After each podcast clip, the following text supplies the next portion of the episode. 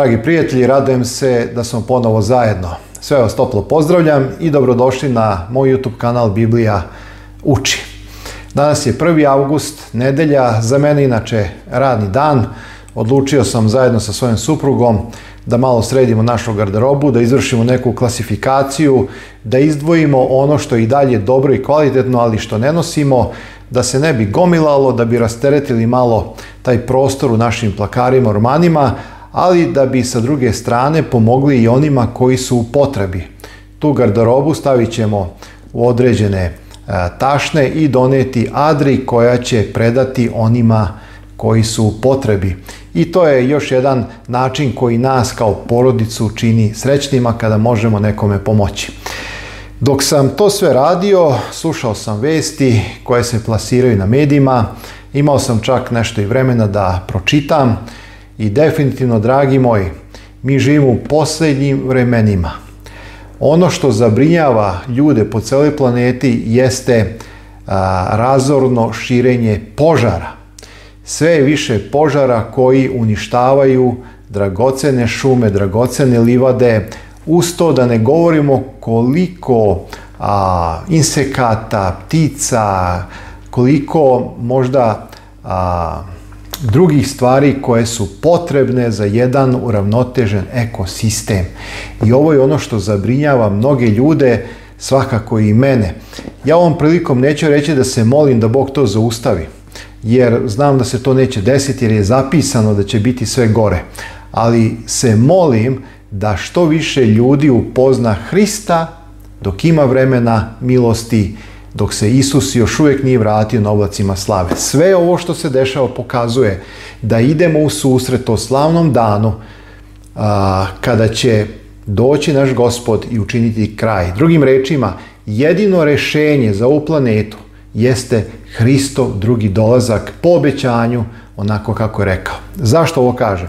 Zato što ovih dana sam čitao neke članke i primetio sam da u mnogim zemljama, uključujući i našu, je izglasan zakon o ekološkim merama koji i zadatak da spreče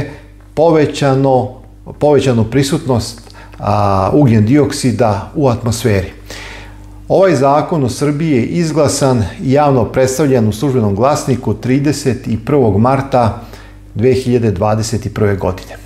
I ovaj zakon je opširan, ne želim da mnogo pričam o njemu, ali ovaj zakon se bavi raznim mogućnostima, rješenjima na koji način da spreči razvoj ugljen dioksida u atmosferi i time na neki način da pokušaju da umanje efeka saklene bašte, da se smanji temperatura na zemlji.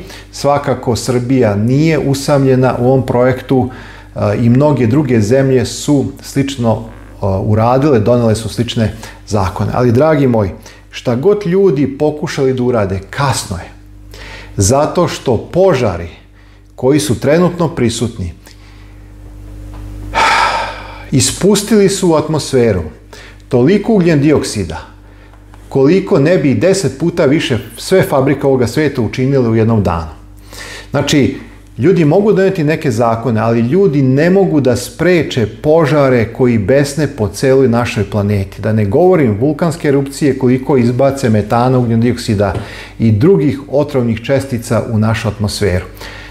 A opet da ne spominjem i harp i sve neke druge stvari o kojima se priča, koje također mogu da utiču na kontrolu ili pogoršanje vremenskih uslova na našoj zemlji.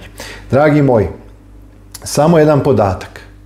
Znači, samo jedan podatak koji sam pročitao kaže da u Americi, u jednoj provinciji, za nekoliko dana izgorela je površina šume razmjerna a, površini koju bi zauzeli 5 miliona futbalskih igrališta. Ja sam onda zastao, pročitao ponovo da vidim da li sam dobro to pročitao. Znači 5 miliona futbalskih igrališta. Ja to ne mogu zamisliti. Znači tu se ne govori o 5, o hiljada, o hiljada, niti o hiljada. Tu se govori o 5 miliona futbalskih igrališta. To je površina koju je vatra progutala samo u jednoj provinciji u Americi. Samo taj primjer. A da ne govorim o jednom naslovu kojeg i vi danas možete pronaći, ukucajte u internetu, naslov kaže pola Europe gori. Sada se požari šire strašno po Grčkoj, zahvaćeni su požarom i neki delovi Italije, neka ostrva, tako da ta količina ugljen dioksida koja se ispusti kroz požare nesumnjivo je veća i snažnija nego što ispuste fabrike ili automobili po celome svetu. Znači, drugim rečima, da nema požara, Znači da se oslonimo samo na izveštaje o emisiji ugljen dioksida koje ispuštaju fabrike, automobili i tako dalje, mi smo već ušli u crvenu zonu i naša zemlja, naš ekosistem teško bi se mogao oporaviti. Ali ovi požari izbacuju veliku količinu i ovo će, samo je pitanje vremena kada ćemo žnjeti strašne posladice ove količine ugljen dioksida koja je otišla u atmosferu. Znači, šta god ljudi učinili, ne mogu ništa da učine. Mislim da je crta odavno pređena i da jedino rješenje za našu planetu jeste Hristo drugi dolazak i tada će se ispuniti obećanje koje sam više puta delio u mojim emisijama, imate u prošlim emisijama, da će tada Bog stvoriti sve novo. Obratite pažnju na seriju otkrivenja, u playlisti otkrivenje, zadnjih nekoliko poglavlja, tu je otkrivenje apostola Jona dalo nama fantastične informacije kako će izgledati novo nebo, nova zemlja i kako će izgledati taj život kada neće više biti ni bolesti, ni smrti, ni straha, ni plaća, jer prvo prođe. E sada, zašto sve ovo priča? Zato što ljudi ovoga sveta pokušat će da se ujedine, da bi spasili planetu. I tu se sada ostvaruje ono što je zapisano u otkrivenju 13. Samo da vam dam jedan primjer. Ja ne znam tačno kako se po imenu zovu one divokoze koje imaju dugačke, spiralne, onako špicaste rogove. One su poznate po tome da izuzetno vešto i hrabro brane svoju teritoriju. Znači, ako su u blizini dva mužijaka, oni će se sigurno pobiti, ući će u okršaj da bi odbranili svoju teritoriju. Međutim, onda je neku uradio eksperiment, uzeo jednu kofu vode i stavio je na sredinu te livade gdje je bilo nekoliko desetina tih divokoza koje su veoma ratoborne.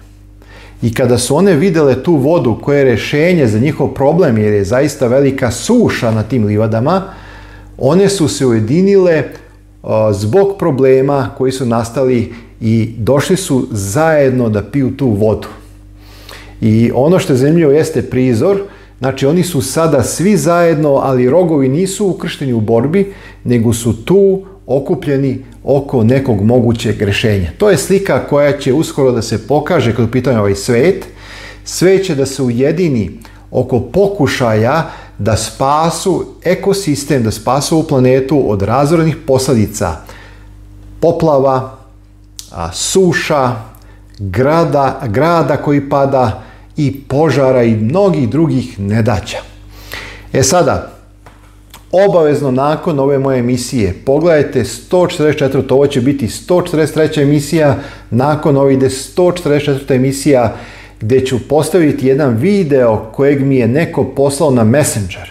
Ja sam odgledao taj video, u pitanju je jedna propoved Daga Bachelora koji govori o jednoj enciklici gdje jednostavno papstvo želi da primeni starozavjetni sistem u današnjem vremenu da bi pokušao da reši problem zagrevanja planete i kako kaže da bi ova planeta doživjela odmor. Zanimljivo je da u jednom paragrafu, zaboravio sam koji je, mislim da je 44 Papa kaže da ovaj problem oko pandemije i tako dalje i ovo zaključavanje, smanjenje rada u toku policijskog časa i tako dalje učinilo, pokazalo da je moguće da se planeta regeneriši i obnovi i on će to tada željeti da primeni na sedmični ciklus koristeći model starozavetni gdje je Bog uspostavio sistem šest dana radi, a sedmi dan odmaraj u vreme šabata, u vreme subote po četvrtoj zapovesti moralnog zakona. Svakako, papstvo će reći da je to sada nedelja, zbog Isusa Hrista koji je rekao evo sve novo tvorim i on će kazati da to treba da bude Nedelja. Mi znamo hrišćani da je nedelja Sunday, Sontag, Dije Solis, Dan sunca i da je to dan kojeg hrišćani, biblijski hrišćani, neće poštovati zato što je to prvi radni dan sedmice. Biblijski hrišćani će ostati verni Bože volji koja je izražena u deset zapovesti, a svakako po pitanju ove teme to će biti četvrta zapovest koja nalaže svetkovanje sedmog dana koji je šabat. Papa spominje da je subota sedmi dan, tu nema problema, ali on želi da kaže da će to sada biti dan nedeljni zbog novog stvaranja, zbog Isa Hrista i tako dalje. Znači, obratite pažnju na emisiju koja dolazi posle ove, a to je 144. emisija. Pustit ću, znači, Dag bačelora da ne bi sada ja previše govorio. Ali šta ima Biblija da kaže ovim našim danima kada je u pitanju evo ovaj segment – koji je možda sada najaktuelniji, a to su požari. Znači, posle poplava došli su požari. Ovo nije normalno vrijeme. Znači, ako čovjek malo zastane i razmisli i sagleda neka prošla vremena i vidi ovo što se danas dešava, niko zdrave pameti ne može reći da je ovo normalno i da se ovo očekivalo na neki način, da je to nešto prolazno. Naša zemlja nikada više neće biti ista. Nakon 2020. godine ekosistem, sve ovo što nas okružuje, život na ovoj zemlji neće biti isti. Mi ubrzano idemo ka propasti. I zato u otkrivenju 11. poglavlju, mislim da je 18. stih, ne sjećam se, kaže tekst i dođe vrijeme da se pogube oni koji zemlju pogubiše. Zašto postoji ovaj tekst koji je istinit, odnosi se na naše vrijeme? Zato što je čovjek i tekako odgovoran zato što je pogubio ovaj ekosistem zbog pohlepe i sebičnosti. Znači, ovo su dva greha koja su stavljena u jedan, jer pohlepa svakako je deo sebičnosti, a sebičnost podrazumeva pohlepu. Ova dva greha caruju ljudskom srcu i oni su doprineli da se ovaj ekosistem i priroda nemilosrdno eksploatišu. Nemilosrdno i evo došli smo gde smo. Jedan autor kaže, naučnik, da se svakih sedam dana Znači, obratite pažnju, svakih sedam dana se uništi šuma površine jedne Austrije. Znači, da li mi možemo shvatiti koliko je to prostranstvo, koliko je to šuma? A da ne govorimo o biljnom nekom ekosistemu, životinskom svetu koji egzistira i koji se zajedno sa tim šumama uništava. I to sve dovodi do velikih problema. Znači, s jedne strane, šume koje su pluća ovoga sveta, ekosistema, s druge strane, plaktoni koji su primarni izvor kiseonika na našoj zemlji, masovno izumiru zbog povećanja temperature okeana, a opet je to uslovljeno zbog efekta slakine bašte, a opet sve to zato što su uništavaju šume i zato što mnogo, mnogo ima po svetu požara. Svi ti požari, još jednom nagoveštavam, podižu puno ugljen dioksid u atmosferu i to će donijeti gorke plodove koje ćemo svi osjetiti vrlo brzo. Snažne vetrove, snažne uragane tornada, koji će sigurno iz F5 preći u F7, to su strašno jaki vetrovi koji Znači, razaraju, vi ste svedoci kao ja, ništa nisam sada pametniji od vas jer i vi sve to što gledate gledam i ja, znači to je pred našim očima, Led je sve krupniji. Ja sam u mojoj prvoj seriji, a, to jest e, ne u prvoj seriji, nego među prvim emisijama u playlisti posljednje vremena rekao da će pred sam kraj padati iz snežnih riznica led veličine i do 50 kg kojim će prosto biti mnogo toga uništeno. dragi moji, živimo u ozbiljnim vremenima. Nemamo mi vremena za neke luksuze. Mi nemamo vremena da se prepuštamo nekom obesnom načinu života, a da, nema, a da ne odvojimo vrijeme za ono kvalitetno proučavanje reči Božje za molitvu i za spremanje susreta sa našim gospodom Drugim rečima da se menjamo i suobličavamo, uobličavamo liku Hristovom jer je to suština. Znači mi nećemo naslediti carstvo Božje samo zato što znamo mnoge stvari koje se dešavaju kod nas. Mi ćemo naslediti carstvo Božje ako smo istinski nanovo rođeni i promijenjeni i ako smo suobličeni liku Hristovom i činimo njegovu volju. Ali ovo što pričamo jeste da bi podigli glave svoje kao što kaže tekst u Lukinom evanđelju 21. stihu, 21. glavi 18. stihu, jer se približava izbavljenje vaše. Znači Luka 21. 18. kaže Isus, kada sve to vidite, podignite glave svoje, jer se približava izbavljenje vaše. Znači, ovaj sve će se ujediniti. Amerika će izglasati nedeljni zakon pod utjecajem papstva koje će dati to.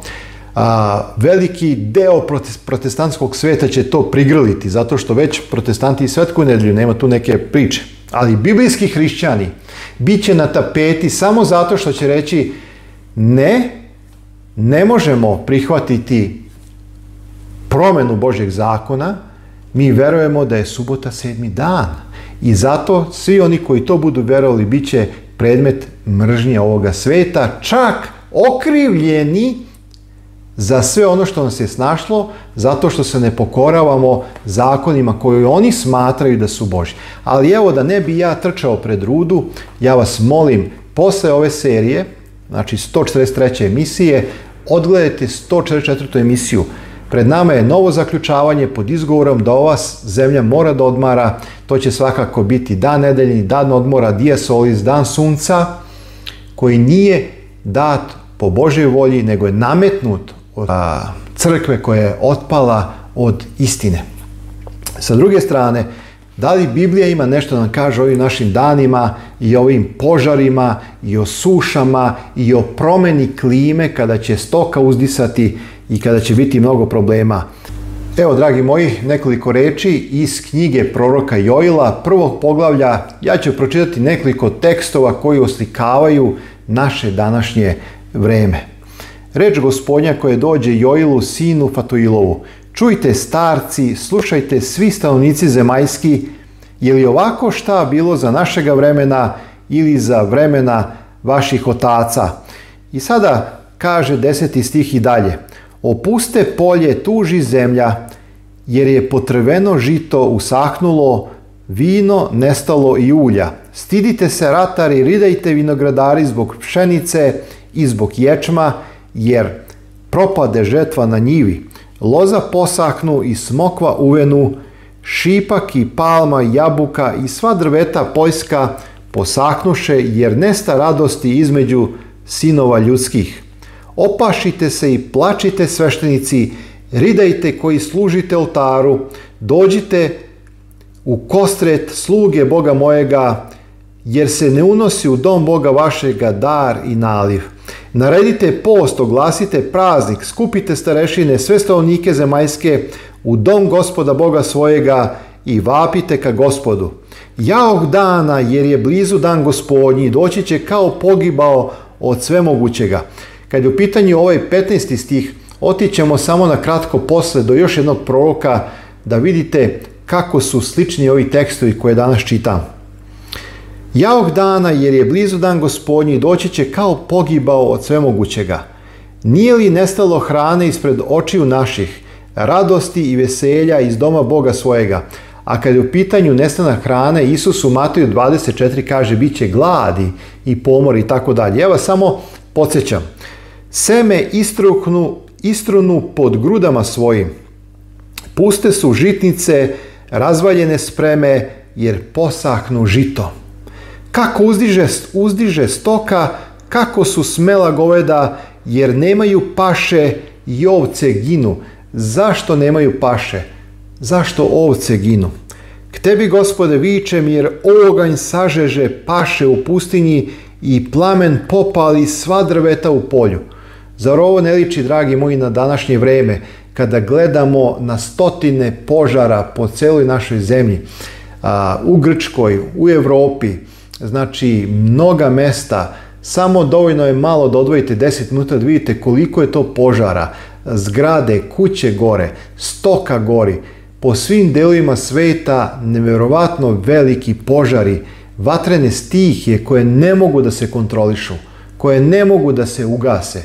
Ljudi su tužni, stoka je usahnula eh, jer nema paše, jer su šume izgorele i kaže K tebi, gospode, vičem, jer oganj sažeže paše u pustinji, plamen popali sva drveta u polju, i zveri poljsko pogleda za tobom, jer usahnuše potoci vodeni i oganj sažeže paše u pustinji tako dalje. Znači, ima mnogo proročkih tekstovi, mnogi proroci su pisali o danima kako će izgledati vreme naše pred sam dolazak Isusa Hrista.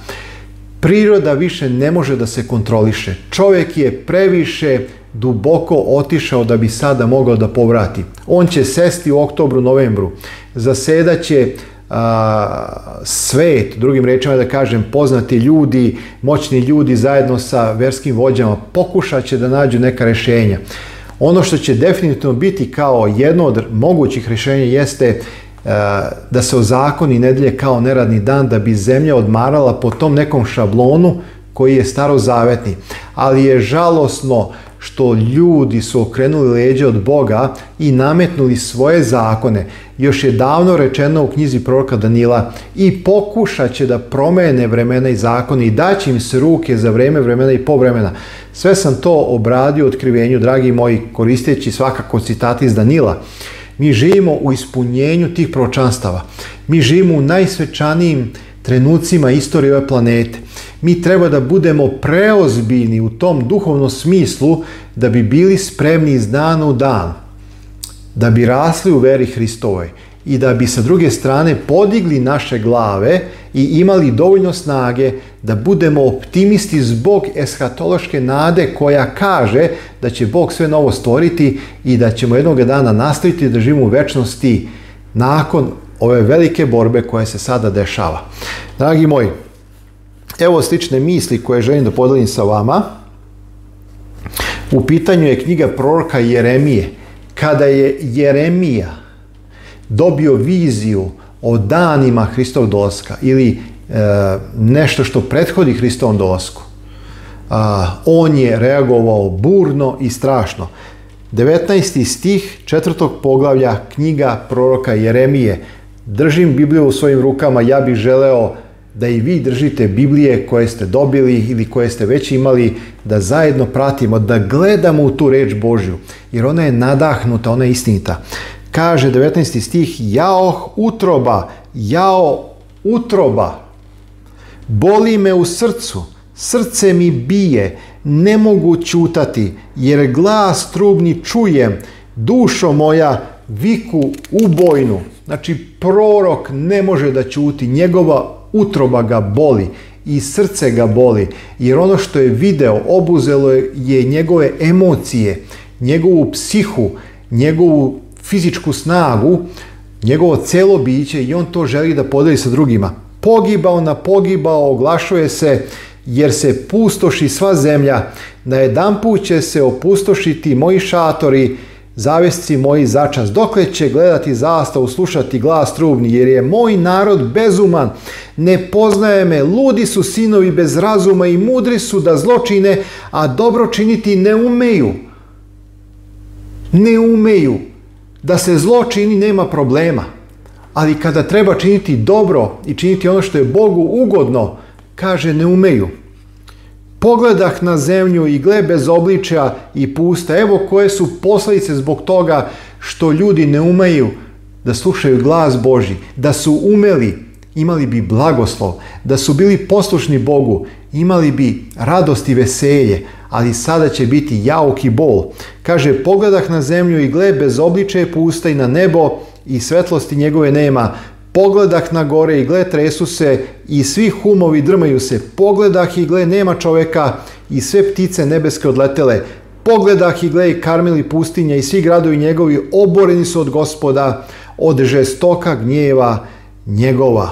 Dragi moji, evo ovdje, ovdje bih stao, ako želite, znate, da je u pitanju knjiga proroka Jeremije, četvrto poglavlje, čitajte dalje, da ne bi emisija bila predugačka, ali sve ovo želim da podelim sa vama, da bismo se trgnuli, da bismo shvatili da ovaj svet neće više biti bolje. Nema više povratka. Jedina naša nada je u Bibliji, u reči Božju, u kojoj imamo Božje obećanja. U Hristu. Tu je naša nada. Ne može ni katolička, ni Vatika, ni druge religije ovoga svijeta, ne mogu da učine ništa da bi izbavili ovaj svijet. Kasno je za to. Ni Amerika neće moći da učini ništa i nikada nije mogla, samo je jaka na jeziku. Onaj ko će učiniti promjenu i koji jedini može donijeti rješenje jeste Gospod Isus Hristos koji je obećao da će stvoriti novo nebo i novu zemlju gdje pravda živi. Neće na toj zemlji više biti ni poplava, ni požara, zato što neće biti greha, zato što će greh biti iskorenjen i zato što će spašeni kroz svu večnost biti daleko znači od utjecaja greha kojeg više neće biti jer će ga Bog zatrti, satrti. Dragi moj. Ova emisija treba da nas prodrma iz naše udobnosti, da shvatimo, da ne gajimo iluzornu, lažnu nadu da će biti bolje. Neće biti bolje. Ovaj svet je prešao liniju i povratka nema. Pokušat će oni i tako dalje. Možda će tada nešto da se desi. Možda će đavo činiti neka čudesa da se nešto primiri. Da bi oni mogli reći evo mir je i nema se čega bojati. A Isus kaže, onda ću doći kao bol na trudnu ženu i neće umaći kada kažu mir je i nema se čega bojati. Na nama je da pratimo vrijeme u kojem živimo, na nama je da ispitujemo, da proučavamo. Nemoguće je da bilo ko kaže tačno, precizno šta će biti. I ovo što ja govorim, ja govorim tako objektivno da bismo neki način imali neke informacije, ali na svakome od nas jeste da pratimo iz dana u dan i kako odmiče vreme, sve će biti jasnije i sve će biti vidljivije. Ali evo tu smo da podelimo naše misli, da podelimo naša verovanja i ubeđenja da bismo mogli da se hrabrimo i da bismo mogli da se usklađujemo. A sada nakon ove emisije obavezno pogledajte 144. emisiju izlaganje Daga Bachelora o planovima koji su pred nama, i kako da budemo spremni da ne budemo prevareni. Svakom vam dobro želim.